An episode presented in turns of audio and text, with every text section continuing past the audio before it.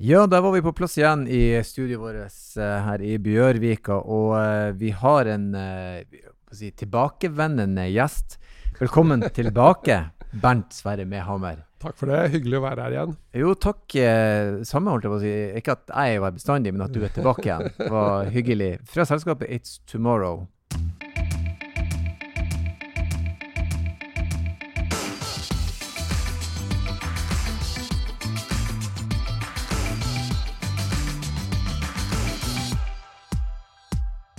Vi skal snakke om noe som Det er jo et ord som har begynt å sirkulere litt, og folk er ikke helt sikre på. Jeg har, jeg har hørt det, men jeg vet ikke hva det er, så det passer egentlig veldig bra at du kom innom. Men nullutslippssoner. Å, det er sexy. Du hører det. Du hører at det er veldig trendy. Det er veldig i tiden. Det føyer seg fint inn. Er uh, litt tungt ord, men, uh, men uh, det passer jo inn i mye av det som rører seg rundt omkring, både i Norge og andre steder i verden om dagen. Altså, det handler jo primært om hvordan skal man gjøre transportsektoren helt utslippsfri. Altså at transportsektoren ikke lenger skal bidra til klimagassutslipp i det hele tatt. Mm. Og der er det jo en del problemstillinger som dukker opp selvfølgelig når man skal komme helt i mål der. Men ei, nullutslippssone Man kan jo tenke seg til hva det her er, og vi skal komme konkret tilbake til hva det helt konkret er. Mm. Men er den ment for å, eh, holdt på å si, tvinge fram bruk av alternativ kjøretøy? Eller bare en sone der det skal for å slippe unna svevestøv og den slags, eller kombinasjon av begge? Det er, eh, det er et klima, klimavirkemiddel. Eh, ja. Så dette her var noe som dukka opp i forbindelse med behandlingen av klimameldingen i, i fjor, altså i Stortinget. Der man åpna for at uh, man i Bergen og Oslo uh, kunne innføre det de da kalte nullutslippssoner. Uh, og så ble det ikke helt definert hva det egentlig skulle være, men man tenker nok primært på det som en sone der det ikke er lov til å kjøre inn med fossile kjøretøy. Mm. Og så er det jo åpent hvor stor den kan være, og hvilke kjøretøygrupper som skal omfattes, og hvilke trafikantgrupper som skal omfattes, og en del sånne, sånne problemstillinger. Så helt enkelt forklart så kan vi si til lytterne våre at en nullutslippssone det er en sone der du rett og slett ikke har adgang til å ha kjøretøy som ja, slipper ut Eksos. Klimagasser. Ja, klimagasser. Mm. Så det er uh, Helt konkret så er det jo da uh, elkjøretøy er lov, uh, hydrogenkjøretøy er lov, også biogasskjøretøy er lov.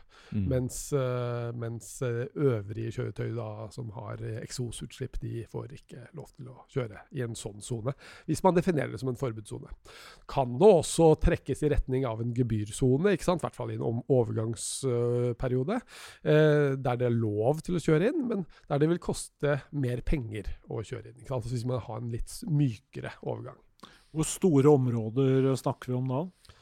Altså, I og med at det er kommuner som har fått ansvaret for å gjøre dette, så det jo, kan det jo i hvert fall ikke være større enn kommunegrensene. Men, uh, men, det er nok naturlig å se for seg at dette er relativt små områder i en oppstartsfase. Og så Eh, og så er det jo f.eks. sånn at Oslo kommune har jo et mål om at eh, transportsektoren i Oslo, eller for så vidt hele Oslo, skal være bortimot uh, utslippsfri innen, innen 2030. og da, da, kan man jo se for seg at man uh, utvider en sånn sone over tid. At man har litt sånn trappetrinn-tilnærming til dette.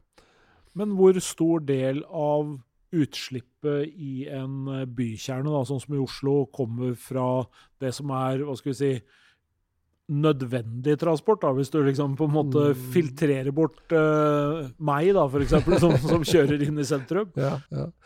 Eh, det, er, det, det, finnes det ikke veldig gode tall på, faktisk. Så vi, vet ikke helt eh, hvor altså, liksom, Alt som er om sånn varelogistikk og altså, Vi har go ganske god kontroll på omfanget av persontrafikk og hvor stor andel av det som er fossilt og elektrisk og sånn. Men når det gjelder varelogistikken, så har vi ikke helt sikre tall på hvor mye det egentlig er av det.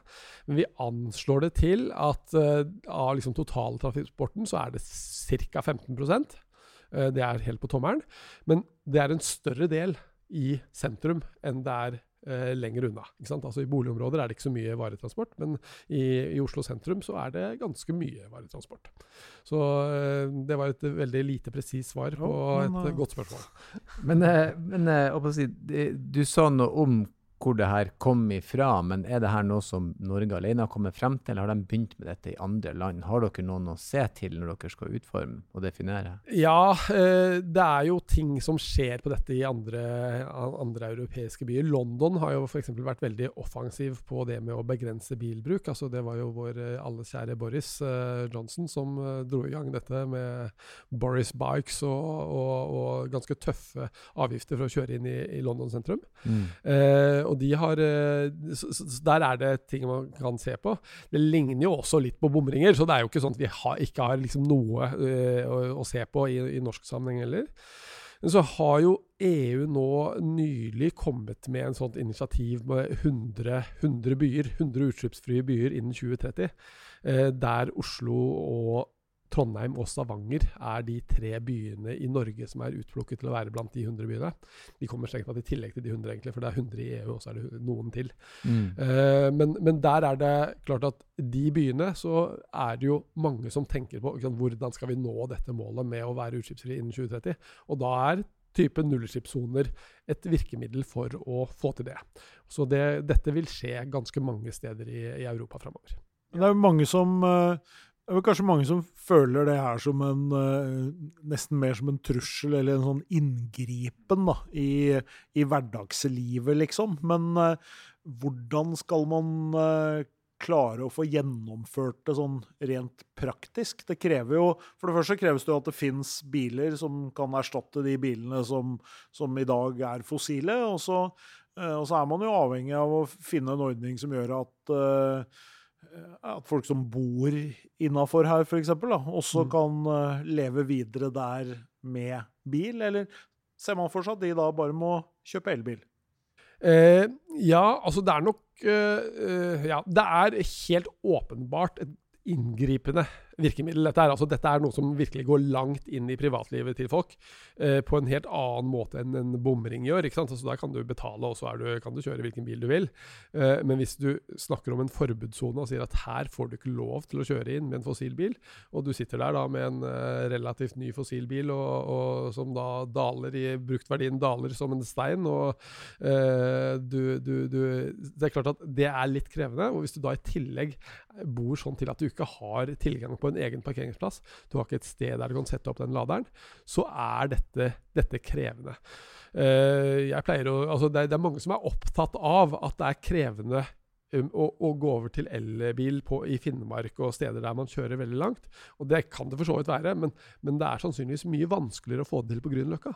Fordi at der har ikke folk den stikkontakten i veggen som de kan putte Og det er jo sant, den typen utfordringer som en kommune som vil gjøre dette sant, som Oslo, da, som vil nå dette målet innen 2030, de må jo da gå inn og se ok, hvordan løser vi dette. Hva er det, Hvordan skal vi sørge for at de folka har muligheten til å komme seg på hytta? Eh, ikke sant? Altså, eller de andre stedene man da trenger en, eh, trenger en bil, og der, der det kanskje eh, ja, altså, Sannsynligvis er mulig å kjøre med elbil, men kanskje er elbil et dårligere alternativ enn det fossilbil er per i dag, og de vil føle at dette er litt krevende. Og, du, og da er det jo fort der at det blir mye motstand og ja, dårlig stemning. Og det vil vi helst unngå. Nei, det skjønner jeg jo godt. Men du sa noe om tidsperspektivet. Det er altså innen 2030. Ja. Eh, jeg er jo veldig spent på hvordan skal det her legges frem. For alle i hvert fall vi tre skjønner jo at dette er jo en heit på tru. Det er jo en gavepakke til f.eks. Senterpartiet. Nå skal de nekte oss å kjøre bil! Og ikke sant? Du, du, du kommer, folk kommer til å kaste seg på der og melde til fred verd, for du vil få en veldig polariserende enten-eller på denne, føler jeg. Det er gjort seg opp noen tanker om hvordan kan vi presentere det på en måte som gjør at Eller må man bare gjøre sånn som piggdekkavgifta og si at sånn er det nå? Mm. Tall, og så ja. Roa det seg? Altså, ja, dette, og dette er det jo ikke ingen som har tatt helt stilling til ennå. Altså, vi vet jo ikke f.eks. Hvordan, en, en, altså, hvordan ser lovhjemmelen ut for dette, for den er ikke vedtatt. Ikke det sitter de og holder på mm. med. Så vi, vi, vet jo veldig lite om hvordan dette i praksis eh, kommer til å se ut. Eh, det vi ser på i disse byene nå, er jo måte, hvordan kan man gjøre dette hvis vi får gjøre det akkurat sånn som vi vil. Mm. Og, og, da si noe til staten om hvilken type hjemmel som man da trenger.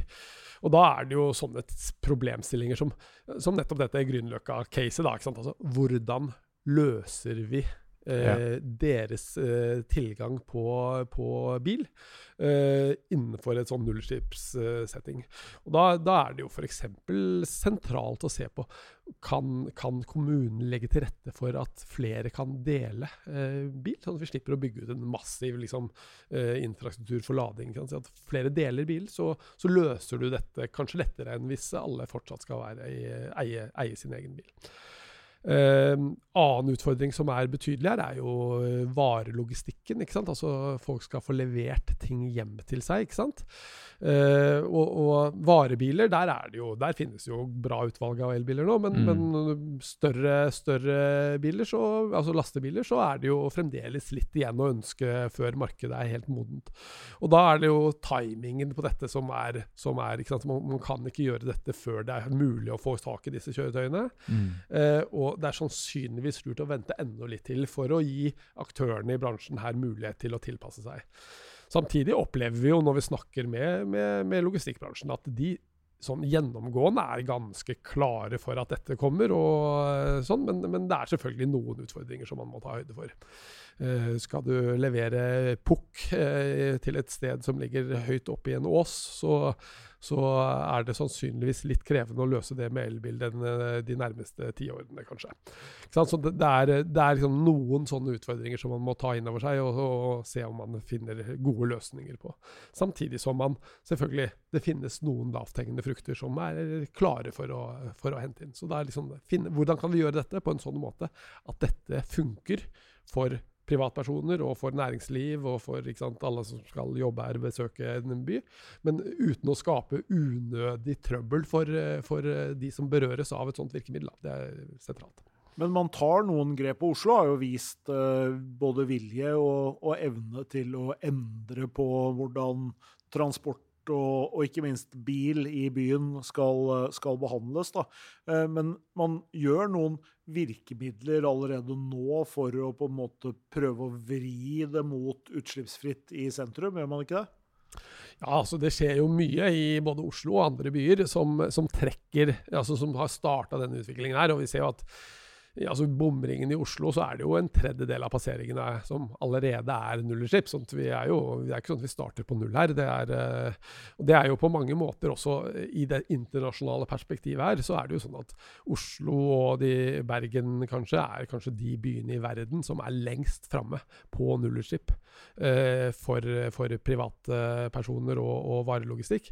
Og det gir jo også muligheter for norsk næringsliv til virkelig å ta en posisjon og finne løsninger som kan eh, eksporteres ut og være hva skal jeg si, noe av svaret på det der med hva skal vi leve av etter oljen. ikke sant? For det er et kjempepotensial der ute på mm. løsninger som handler om hvordan skal vi frakte folk rundt omkring uten å bidra for mye til uh, miljøproblemer. Ja, Det ligger jo en helt ny industri der, både i form av løsning og tjenestesalg og det meste. Ja. Hvis man tenker over det behovet som da skal mettes, siden dette er noe som vi antageligvis alle må innrette oss etter hvis mm. vi skal ja, begrense skader på klimaet det er jo en helt annen diskusjon. ja, ja. Nei, men, eh, men, det er klart at det, er, Så det det er altså For den enkelte så blir man jo fort opptatt av at ja, jeg har, sitter her med min stasjonsvogn diesel og, uh, som jeg har kjøpt og som uh, mm. jeg liker godt, liksom, og jeg vil ikke bytte den ut fordi at noen politikere på rådhuset har funnet på noe annet. Men, uh, men i et sånt mer sånn samfunnsperspektiv så ser man jo også at her er det Du løser ikke bare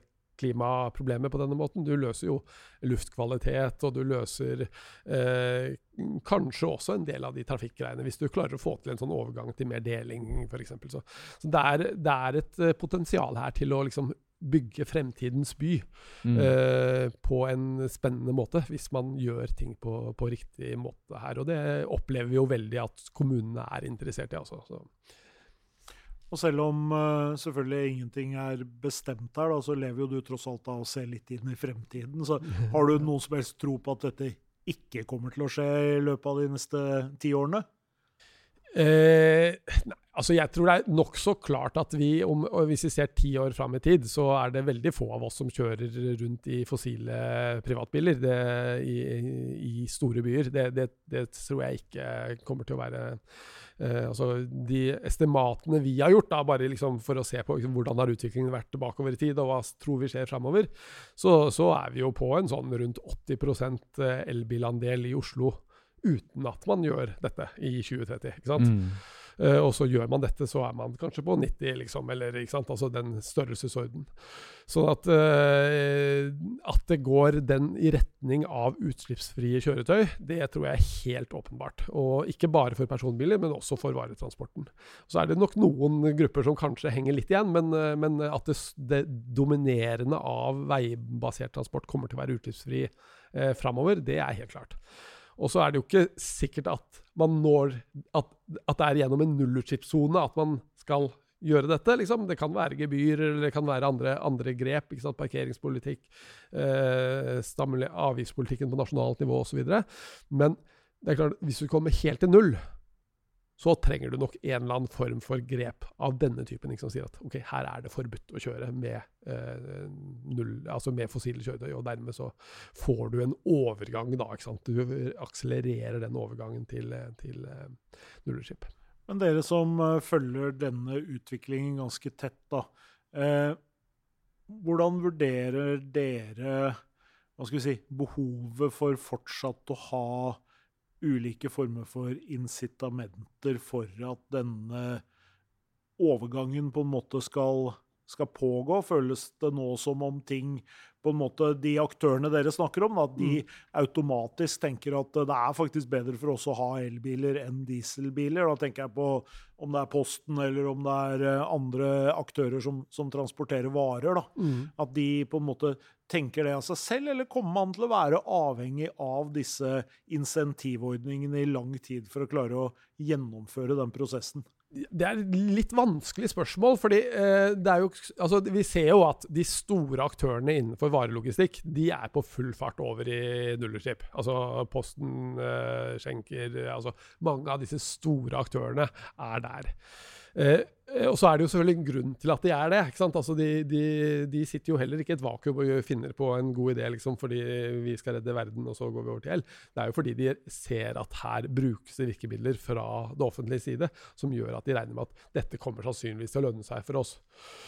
Og så er det jo utfordringen mye større for de små aktørene. ikke sant? Altså en, den, Han som eh, eier eh, sin varebil og lever av den, eh, ikke sant? som kanskje ikke har eh, kredittverdighet til å ta opp et lån og få casha ut eh, eh det en elektrisk varebil koster. ikke sant? Sånn at det er noen utfordringer her på hvordan denne strukturen i denne bransjen er. Uh, og på samme måte som det for privatpersoner er. Det er, det, er, uh, er, jo sånn at Nå finnes det jo elbiler til ethvert formål, men det er fremdeles sånn at de fleste elbilene er ganske nye og dermed relativt dyre. sånn at det er noen sosiale aspekter i, i det som også er litt sånn uh, ikke sant, Som ikke er helt lett å, å, å forsvare nødvendigvis i form av liksom, si at det skal komme et forbud som trer i kraft i morgen da, eller, eller, om veldig kort tid. Så det, det, er nok fornuftig å ha en litt sånn hva skal vi si, gradvis tilnærming her. At uh, man ikke, ikke, er for tøff i klypa uh, med en gang, men er veldig, veldig tydelige på ambisjonene framover i tid, sånn at du kommer dit man altså kommer i mål så raskt som mulig, men uten å gjøre ulempene for de som berøres, større enn det trenger å være. da. Mm. Ja, eh, jeg fikk i alle fall svar på hva er null nullutslippssone.